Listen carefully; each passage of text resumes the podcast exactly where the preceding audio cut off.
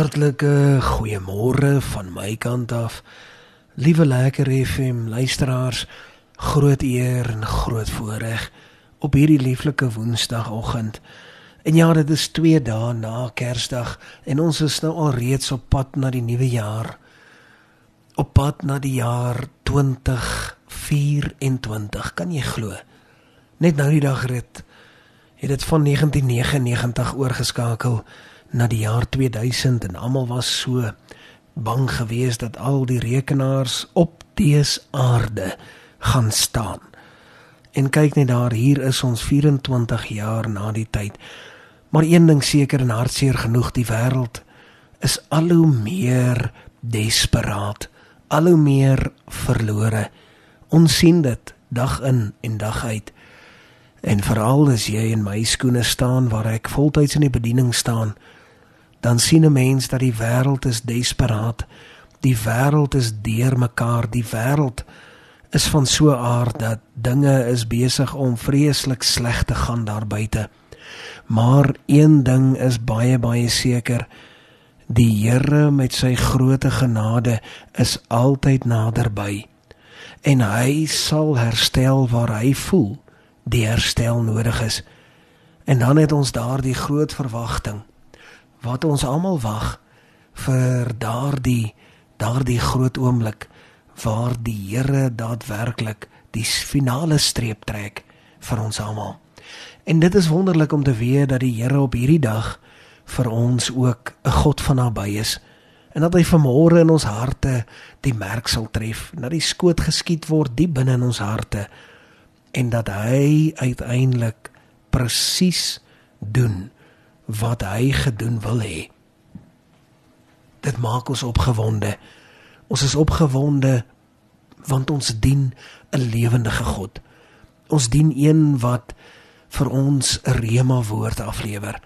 En dit is iets wat my hart persoonlik baie bly maak. En ek wil jou vra net daar waar jy vanmôre dalk is, as dit nog is dat jy by die huis is of jy's dalk by die werk, nagskof gewerk of jy's op pad werk toe dat jy net daar sal luister en saam met my bid.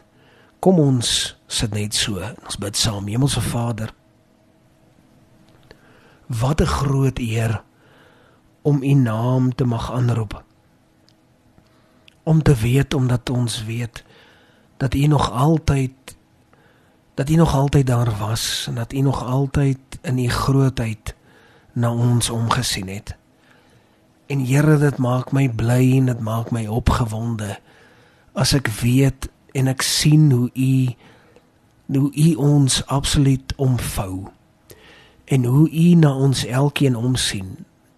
En dit is eintlik so groot om te dink. Ons gedagtes, ons ons vermoë om dit in te dink bestaan nie eers dat U vir elke mens op aarde daar is. Here, dankie vir dit. En dankie dat ons U naam kan grootmaak want U is koning bovenal in Jesus naam. Amen. En amen. So kosbaar het ons gepraat op Kersdag en jy sal dit onthou juis oor die wyse manne en ek het daaruit Matteus uit gelees spesifiek en nogal gepraat rondom wat wysheid beteken. Nou die wyse jong manne het gegaan en hulle die geskenke na Jesus toe gevat. En dis natuurlike woord heeltemal op sy eie dat ons ook geskenke by sy voete behoort te neer te lê, maar dat ek nie daarop wil fokus nie, maar dat ek fokus op een groot saak.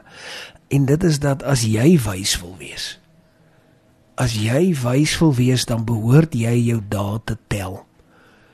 Dan behoort jy jou dae so te tel dat dat jy weet omdat jy weet dat 'n mens nie vir ewig op hierdie aarde is nie. En ek onthou die tyd toe ek regtig baie baie baie siek was. Onthou ek hoe ek daar in 'n verlate hospitaalbed gelê het in baie emosioneel eintlik en diep en innig in 'n plek eintlik half met die Here gepraat het wat ek self nie gedink het bestaan nie. En en waar ek die voorreg gesien het wat dit is om oud te word en te weet dat die Here jou nog 'n kans gee. En as dit gebeur, dan besef jy maar net weer dat die dankbaarheid is die ding wat jou jou dae laat tel.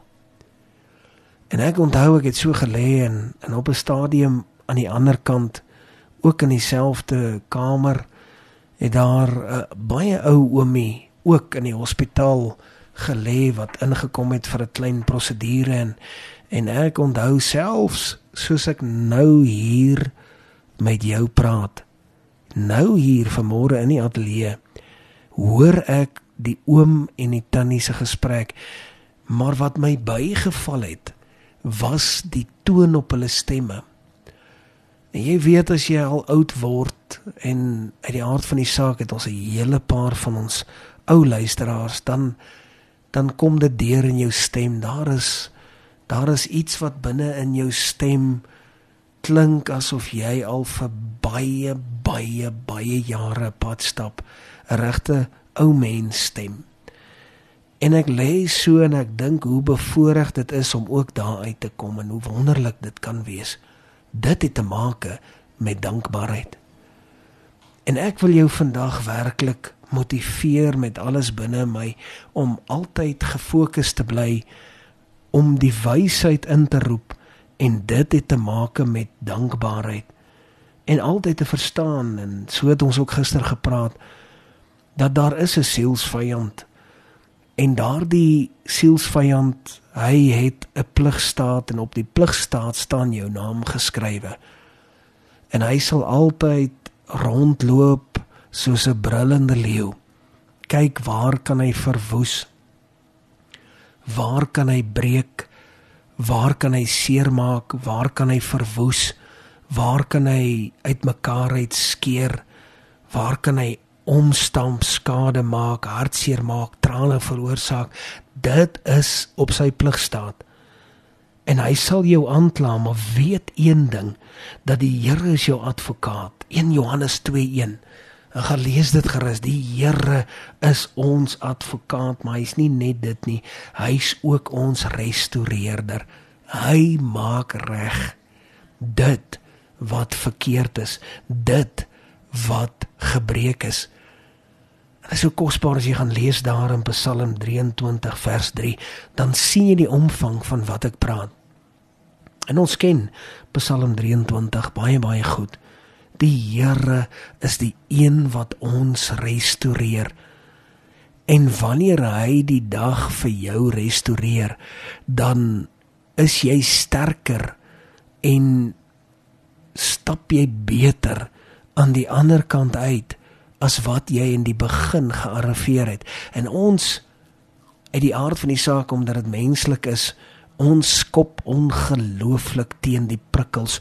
Ons ons is ongelooflik ongelukkig wanneer dit gebeur natuurlik want ons is mense en dit sal altyd so wees maar een ding seker daar waar die breekplekkie is daar waar die kraak in die been is daar waar dit seer was as die Here besluit die dag om dit te restoreer dan is dit selfs sterker as wat dit van tevore was Hoe kosbaar is dit nie om te weet dat die Here jou sterker maak as wat jy nog ooit van tevore was. Is dit nie wonderlik nie? Jy weet om te weet dat die Here jou ewige Vader is. Daar is nie daar is nie stop by die Here nie. Daar is nie wag 'n bietjie by die Here nie. As jy dit daar gaan lees in Jesaja 9:6 hy is jou ewige Vader. Daar is nie 'n manier dat die Here eendag op 'n reendag gaan ophou om jou Vader te wees nie. Hy is ewige Vader. En dit is iets wat vir my persoonlik baie opgewonde maak want dit skep aan my, dit gee aan my 'n gevoel. Die Engelsman praat van 'n sense 'n gevoel van absolute sekuriteit, absolute bewuswording van dat die Here kan voorsien en dat hy sal voorsien. Die Here in sy groote genade sal deurbreek. En daarop kan ek nie anders as om te sê prys sy naam en haleluja. Die Here is ons ewige Vader. Hy's liefde. Die liefde wat die Here is, is die liefde wat hy vir jou het. Die Here is net liefde. En baie interessant, die lekker FM luisteraars en en ek wil graag dit ook my my titel maak vandag, is dat die Here is liefde.